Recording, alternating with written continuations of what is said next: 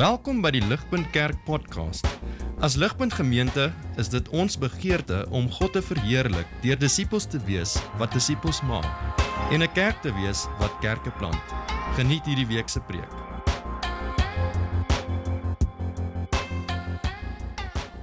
I've been asked not necessarily to, to share an exegesis of uh, adoption in Scripture this morning, but rather tell you our story and how God brought us uh, to where we are today um, as a family uh, that looks just like the family that was just here a moment ago. And um, so our family looks a bit different to the normal family.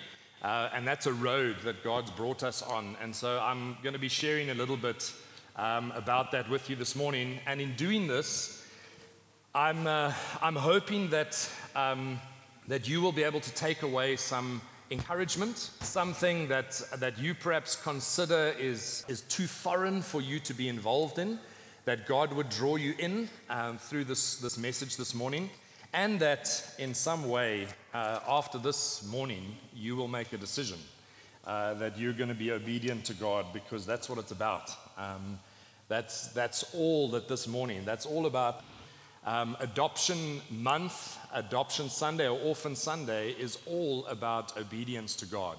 And it's not just about uh, earning some points or ticking a box. And so I hope that will be the case this morning. I'm going to open for us in a word of prayer, although Elof has just prayed for me. But Father, I want to acknowledge my desperate need as a, just a normal bloke. I need you this morning uh, to enable me to communicate the message that you would have delivered to each heart individually this morning. Father, I pray that my English this morning would not stand in the way of um, understanding and of your Holy Spirit working in people's lives. Father, I pray that you would help me to communicate well, and I pray that your Holy Spirit would take your message and bring it into our hearts because that's where the change is needed. In Jesus' name we pray. Amen. So, what's the need in South Africa? And I think as a, as a church, I've seen changes in this church this morning, been able to see so many families, been able to see um, those from the children's home here this morning. It's so good to see, uh, to see that Ligpunt is understanding the need in South Africa. But on the screen, you'll see that in 2020, there were 2.9 million orphans in South Africa. That included children without a biological mother, or without a biological father, or without either parent. Um, and that's equivalent to 14% of all children in South Africa. That's a big, big number. In 2020, there were 620,000 orphans with no mother or father in South Africa. And despite this need, between 2010 and 2021, adoptions declined in South Africa by 65%. So, those are some numbers that put a lot of responsibility in your and my lap. And you kind of think, whoa, that's, that's, that, that problem is too big. But it's the same kind of numbers of those who don't know Jesus. And so we don't give up on the gospel because there's millions and millions of people who don't know Jesus. We still pursue the gospel with anybody that we can. This is what we should be doing as a local church because every person counts. And so the same principle applies um, when it comes to adoption. And so, what's our story in a nutshell? My wife Annie grew up in Windhoek in Namibia. She still can't really speak decent Afrikaans, but and I grew up in Cape Town, and I can, but I worked in the Karoo long enough uh, to build some Afrikaans. But God brought us together here in Gauteng. We were married in 2010, and then God blessed us with uh, with Joa in 2013, and then with Katie in 2015. And our adoption story all started on the 17th of July 2020. Uh, a little baby boy was born on the outskirts of Johannesburg in Tembisa. We didn't know anything about him then. Uh, nobody knew the circumstances um, of his birth. His mother did not or could not take care of him, and so unfortunately, he was abandoned.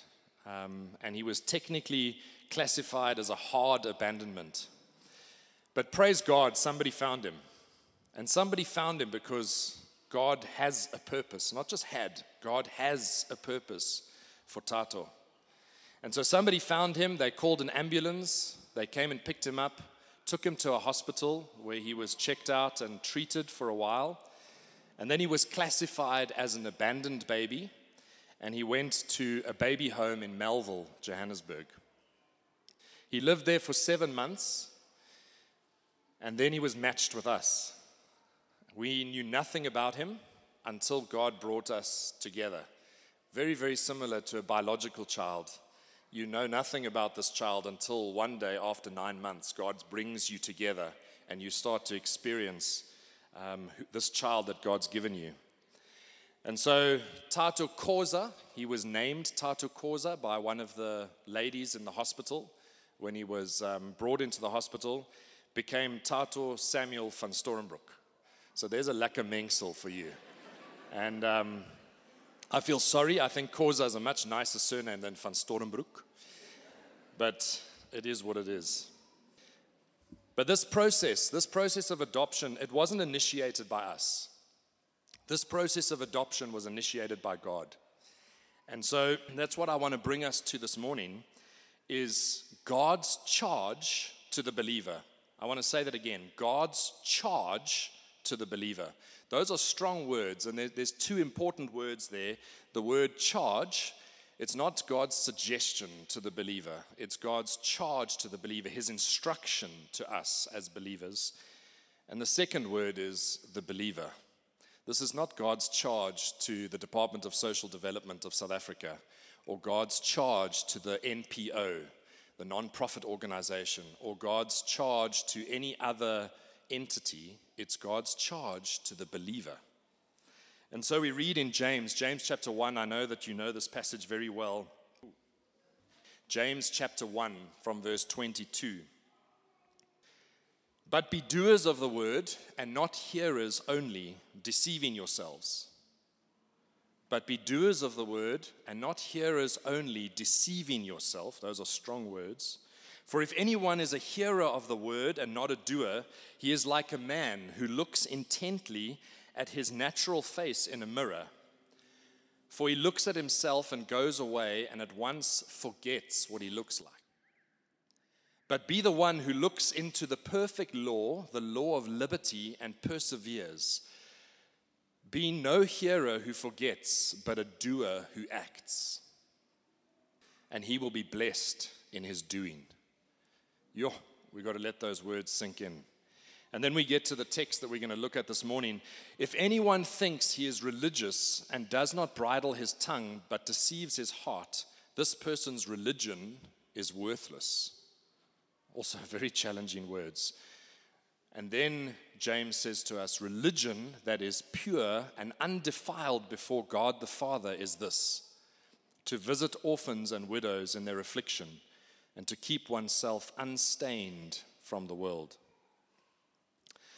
God's in the business, God's in the business of fixing mess. That's what He does for us.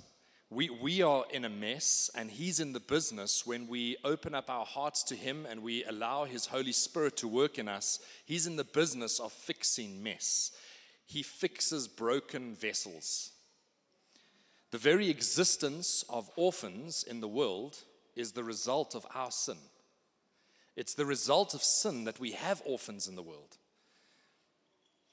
And orphan care, Christian orphan care, is God's plan to address the needs of those who cannot defend for themselves. And so you can imagine in our story, young Tato, he was a hard abandonment. There was no way for him to defend himself. The abandoned babies in this country, many of them don't have the story that Tato has because they aren't found and they, they die. And the reality is that God's plan is for the believer to step in and to defend the defenseless, to feed those who cannot feed themselves, to provide a roof over the heads of those who have nothing. But the reality here, and I want to stress this this morning, the reality here is that you and I cannot be faithful to this text until another adoption has taken place. You and I cannot take care of orphans in accordance with this text until we have been adopted. So, my, my spiritual adoption happened at the age of seven when I realized that I was an orphan in the gutter. I was an orphan with no ability to save myself, just like Tato. No ability to rescue myself. That was me. Tato came into our family at seven months, not seven years. And so his adoption story started with a physical adoption. My adoption story started at seven years old with a spiritual adoption. And I want to challenge you with that this morning. We can't even think about orphan care if we're still orphans ourselves.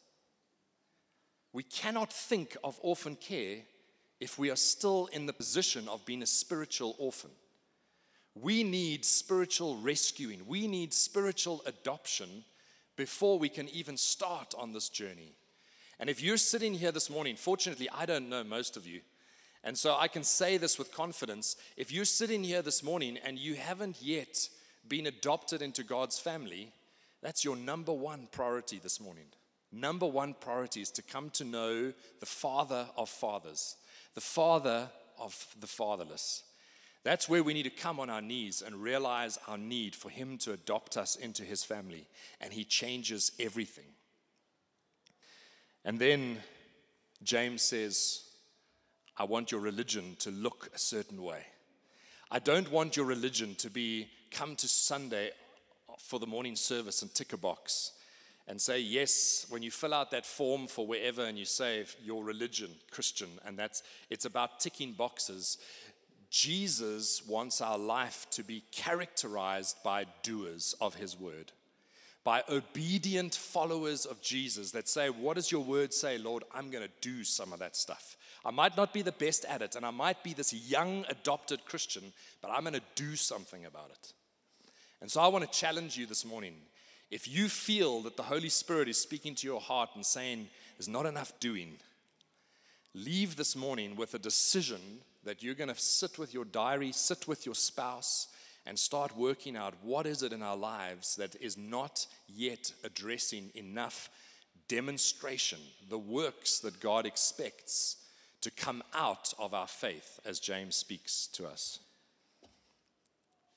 So, God's plan for adoption is clearly directed to the church, it's clearly directed to us. God's plan is for the spiritually adopted to care for the orphans. And this adoption changes everything. This adoption process changes everything. For Tato, it changed his entire life. His future changed. You can imagine being discovered in a hard, cold place in Tembisa to living in his own room, having his own bed, his own mosquito net, his own mom and dad, his own brother and sister, his own bicycle that he pushes around the garden, his, his own sippy cup. Everything changes. Absolutely everything. And if you haven't experienced spiritual adoption, man, you haven't experienced the everything. You think Satan is telling you you've got it, but you haven't. And you don't know you haven't experienced it until you experience it, where God changes everything. Tato's identity changed. We now have a passport, a South African passport that says Tato Samuel van Stormbroek. We have a piece of paper from the court that says Tato Samuel van Stormbroek is considered as though he is born to you. That's what the court document actually says. So the South African government considers him as though he is born to us. That is how close they consider that relationship. Tato spent seven months in an orphan baby home, a wonderful baby home. We had maybe two hours of experience in that baby home. We went from the court after getting our documents stamped, and we literally walked out, followed the social worker through to Melville, arrived at the baby home, and Tato had been matched with us. So we had seen photographs of him. We had seen his little history, his, his whole life was printed in like three or four pages. His everything about him, his whole medical history. There's like one sentence of Tato's life that only Annie and I and the social worker know. Nobody else knows. History, his tiny one sentence of his identity before he joined us, that's his to share one day. That's the only thing that he has that's unique to him that he gets to share with who he chooses to share it with one day. Part of his story. But Tato had only been exposed to the voices of the carers, who were all ladies. Here's a challenge to the men the men who have voices like mine. Only female voices. And when Tato joined our family, he fell in love with my voice. I might get emotional now, but that just makes me a real man. But Tato falling in love with my voice was a beautiful picture of what should happen to us when we come to know Jesus to fall in love with the Father's voice. Because his voice is the one that brings comfort. His voice is the one that says, This is a safe place. His voice is the one that says, I'm caring for you. I have a purpose for you. I have a future for you. Man, oh man, are we in love with the Father's voice? Adoption changes everything. And just like Tato's total life change, your and my life changes completely with adoption into God's family. Ephesians chapter 1, Paul says, In love, he predestined us for adoption to himself as sons through Jesus Christ, according to the purpose of his will. Adoption is God's idea. Adoption is God's. Uh, it's not Daybreak and the team at Daybreak's idea. It's not my idea this morning saying, come on, guys, you need to get, get with the program. It's nothing like that. Adoption is God's idea, and it starts with you and me spiritually. And I go from being unsaved to saved. I go from being hopeless to hopeful. I go from being insecure to being secure. I go from being a nobody to being royalty. There's quite a big change. I go from no future to an eternal future. I go from being fatherless to being loved by the Father, the Father of fathers. I go from being nothing to being everything. I go from being a pauper to a kingly inheritance in glory. And the list can go on and on and on. So you get it. If you haven't experienced spiritual adoption, you haven't experienced anything. So, what's changed for you? What has changed for you as you sit here as a part of Ligpunt? Maybe, maybe you're here as a visitor this morning. You've never been here before. Have you experienced that change in your life? And if you, if you haven't yet, and you are realizing that the Holy Spirit is pulling on your heart this morning, and you realize that that needs to happen, don't leave this morning without speaking to one of the elders here, one of the pastors here, or myself we would be delighted to speak to you and lead you to the Father of fathers. So, what actually led Annie and I? Because adoption is something that requires an express decision. When you start a family, married couple comes together, and you maybe make some decisions along the way, but next thing there's your biological child arrives, and um, it didn't necessarily need that conversation and long times of prayer over coffee and thought and discussion and reading and research to start that biological process. But with an adoption process, it feels a little bit more manual. It feels a little bit more like a paper exercise. It feels a little bit more like we have to make a decision. And so for Annie and I, it wasn't, it wasn't something that happened like that. Um, at a young age, Annie had a desire. As a young girl, she had a desire to adopt. And I married, uh, she's English, but she's like a boermeisie. She's a tough, she's a, a tough wife. And she, as a youngster, decided that she would like to be involved in adoption.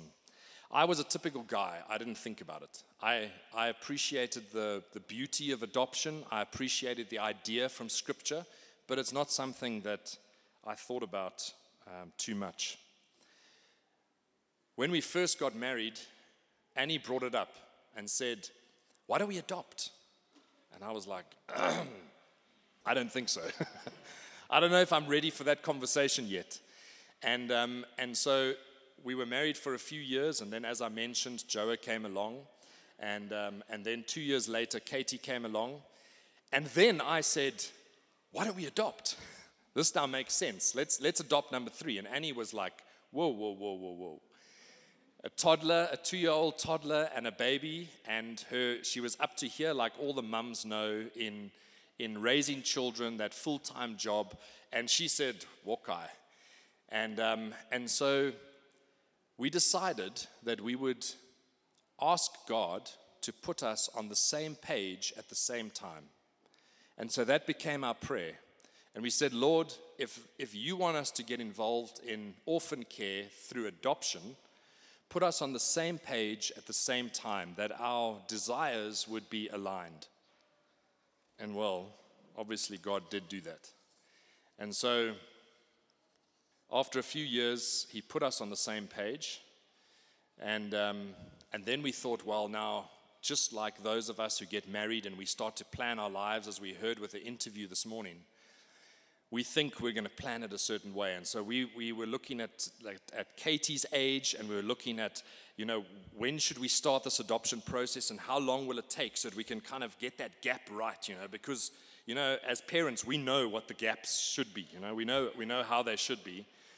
And God was like, no, he's got other plans. Just like he had or has plans for Tato, he has his plans and he has his timing. And so our timing was changed by COVID. Our timing was changed by my father's cancer and his passing. Our timing was influenced by starting with the wrong social worker and after our first few visits, she put her hands up and she said, You should fire me because I'm not getting any babies from DSD. You should start with Abba House or Abba Adoptions. So our timing was changed by a whole lot of things. But the beauty is that we serve a sovereign God. We serve a sovereign God, and He's in control of the clock. i have got a little bit of influence this morning, but he's, he's in control of the clock. And so God brought us to that place, and it didn't take too long. After everything was sorted out, we reinitiated the process with Abba, Abba Adoptions in August, and by February the next year, uh, Tato joined our family. But there's a lot of challenges, just like the challenges of being, being an orphan and being adopted into God's family. It doesn't mean that you're the perfect child. There's no such thing. And you and I, you and I give God a lot of challenges as we try to serve Him as children. But there were challenges in our process, but many blessings too. One of the challenges that we experienced was to come to that point of making the decision to say, we're going to pull the trigger. I'm a, I'm a hunter, I can't help but say, pull the trigger. That point where you say, I'm going to do it now, and that decision it feels very real uh, when you start the process um, of adoption. And so it took us some time to get to that point. As a, as a father and a husband, it was also the reality of knowing that when you pull that trigger, you suddenly are saying, I'm up for receiving the invoice from the adoption agency because that's a reality. You start that process and suddenly you have a bill. And as young families, uh, that's not that, that's that's a hurdle. That's a hurdle, and I'm going to speak about that in a, in a moment. Then also people's reactions. I, if I ask the ladies here, I'm sure you're going to raise your hands, but when you announced your pregnancy to friends and family, wonderful response, fantastic, that's so exciting. You try to do that when you're adopting and you say to your friends and family, So we're adopting. Wow, that's interesting. And so in that, there's a challenge that you experience as an adoptive family, but that's also a challenge to us as a church. How do we respond to others who are joining the adoption or orphan care journey, whether it's fostering, whether it's a place of safety, do we have that reticence of like, oh, are they sure they're doing the right thing? Meanwhile, the person's gone out and bought a 850,000 Rand Mercedes Benz the other day. Nobody said, Are you sure you can afford it? None of those questions, you know, clearly he must know what he's doing. But it comes to something as important as adoption, and we start saying, Sure, are you sure that's the right thing to do? And so, those are the kinds of challenges that we experience in adoption. Our family reactions. Those of us who have been involved can nod if you understand family reactions. And as people involved in adoption, it requires patience from us. We've been thinking through this process. We've been praying through this process. God has been working in our hearts. Now we announce to our families, and bang, we expect them to suddenly be on board. And so the challenge for us is to be gracious and patient with our families and be praying in anticipation of letting our families know and that's not necessarily if you're going to be a fostering parent or an adoptive parent. It can also be if you decide that you're going to commit some of your time to a home like Daybreak, or you're going to commit some of your time or your income to supporting adoptive services or fostering services. Whatever the case might be, we need to be patient with those that we need to share it with. Of course, the cost is also a challenge. And here, Annie and I have felt, you know, you, you, hear and you read stories about people. Um, Andrew Murray, for example, putting up an orphanage and, and in his lifetime serving thousands of orphans. And you kind of think, well, we live in a small holding in the east here. You know, we could build more rooms and we could, you know, but it, we don't feel God called us to that.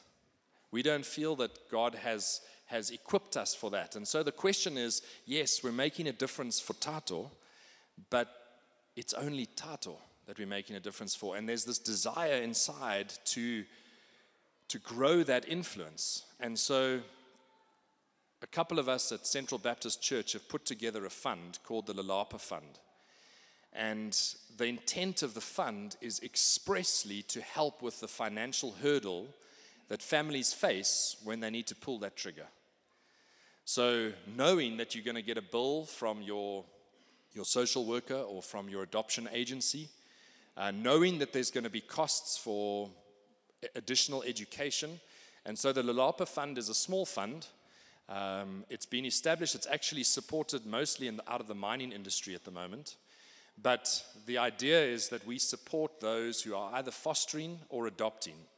And that's a challenge. If any of you would like to get involved in supporting the Lalapa Fund, there is a, a committee that, um, that, uh, that administers the fund. And at the moment, we're, I think we're supporting about four different um, foster children um, on a monthly basis in, in supporting their education, their daycare, school fees, etc. One of the challenges, and I know that there's men here that are thinking about this, even when you've had a biological child and they put that baby into your arms in the hospital and you feel these amazing emotions, that child doesn't look that good at the start. And there's, there's this thing called a bond that needs to grow. And mums have the blessing of that bond growing very quickly. And us guys, we sickle sometimes. We sickle with that because we, we need time for that bond to grow. And I know there are some of you sitting here this morning who wonder if I adopt cross culturally, how am I going to love that baby? How am I going to love that baby? And I experienced that. Annie helped me incredibly. She helped me incredibly because I watched the bond grow with Tato. And the same work that God does to grow the bond between you and a biological child, because God does it, he does it. The same way God does that, He does it with your adoptive or your fostering child. He does the work. And so you don't need to go into a process of adoption with that fear being the biggest fear. God will, He'll rub that out. He will do the work. We just have to make ourselves available. And then some of you might say, but I've heard lots of stories of adoptive mess. I've heard stories of adoptions that have gone skiff and they've ended up in tragic stories. And the way I settled that in my heart was for every adoptive story that I knew that had gone skiff, I knew way more than a hundred biological stories that had gone skiff. Children that were born in, in, in biological families in my era, I grew up with them. I've got multiple friends who are dead because of drug abuse, who were born into loving homes. Satan is not specific with his targeting and his tempting in sin to adoptive families or biological families. And so I want to encourage you this morning if you trust in a sovereign God, God is sovereign not just over biological families, God is sovereign over adoptive families. His sovereignty is what he wants us to hang on to, not the stories of the world. Not the stories of the world. But there's massive blessing. There is massive blessing in adoption. Tato is the joker of our family. He brings an incredible amount of joy. The way he runs up and down the passage and makes jokes and giggles and, and, and plays with his siblings, who he just loves to bits, is a wonderful blessing to our family. And I never experienced this, but as a business owner, um, those of you who are involved in business, you know how much networking is a critical part of business. Tato, as a, as a three year old, is my greatest advocate in networking because people see my WhatsApp picture and suddenly barriers are broken down. We come from a country that's divided. We live in a country with a history of division. We live in a country with a history of perceptions of people perceptions. If I didn't know Devet and met him in the street for the first time, I have a perception of who Devet is based on nonsense, based on history, based on stuff I don't know. That's how the world works. Without realizing this, Tato's presence in our family has broken down barriers because suddenly, cross culturally, there is a deeper level of trust before you've even spoken a word. We walk into the Skukuza shop in the Kruger National Park and you walk up to the counter, the ladies behind the counter love us already.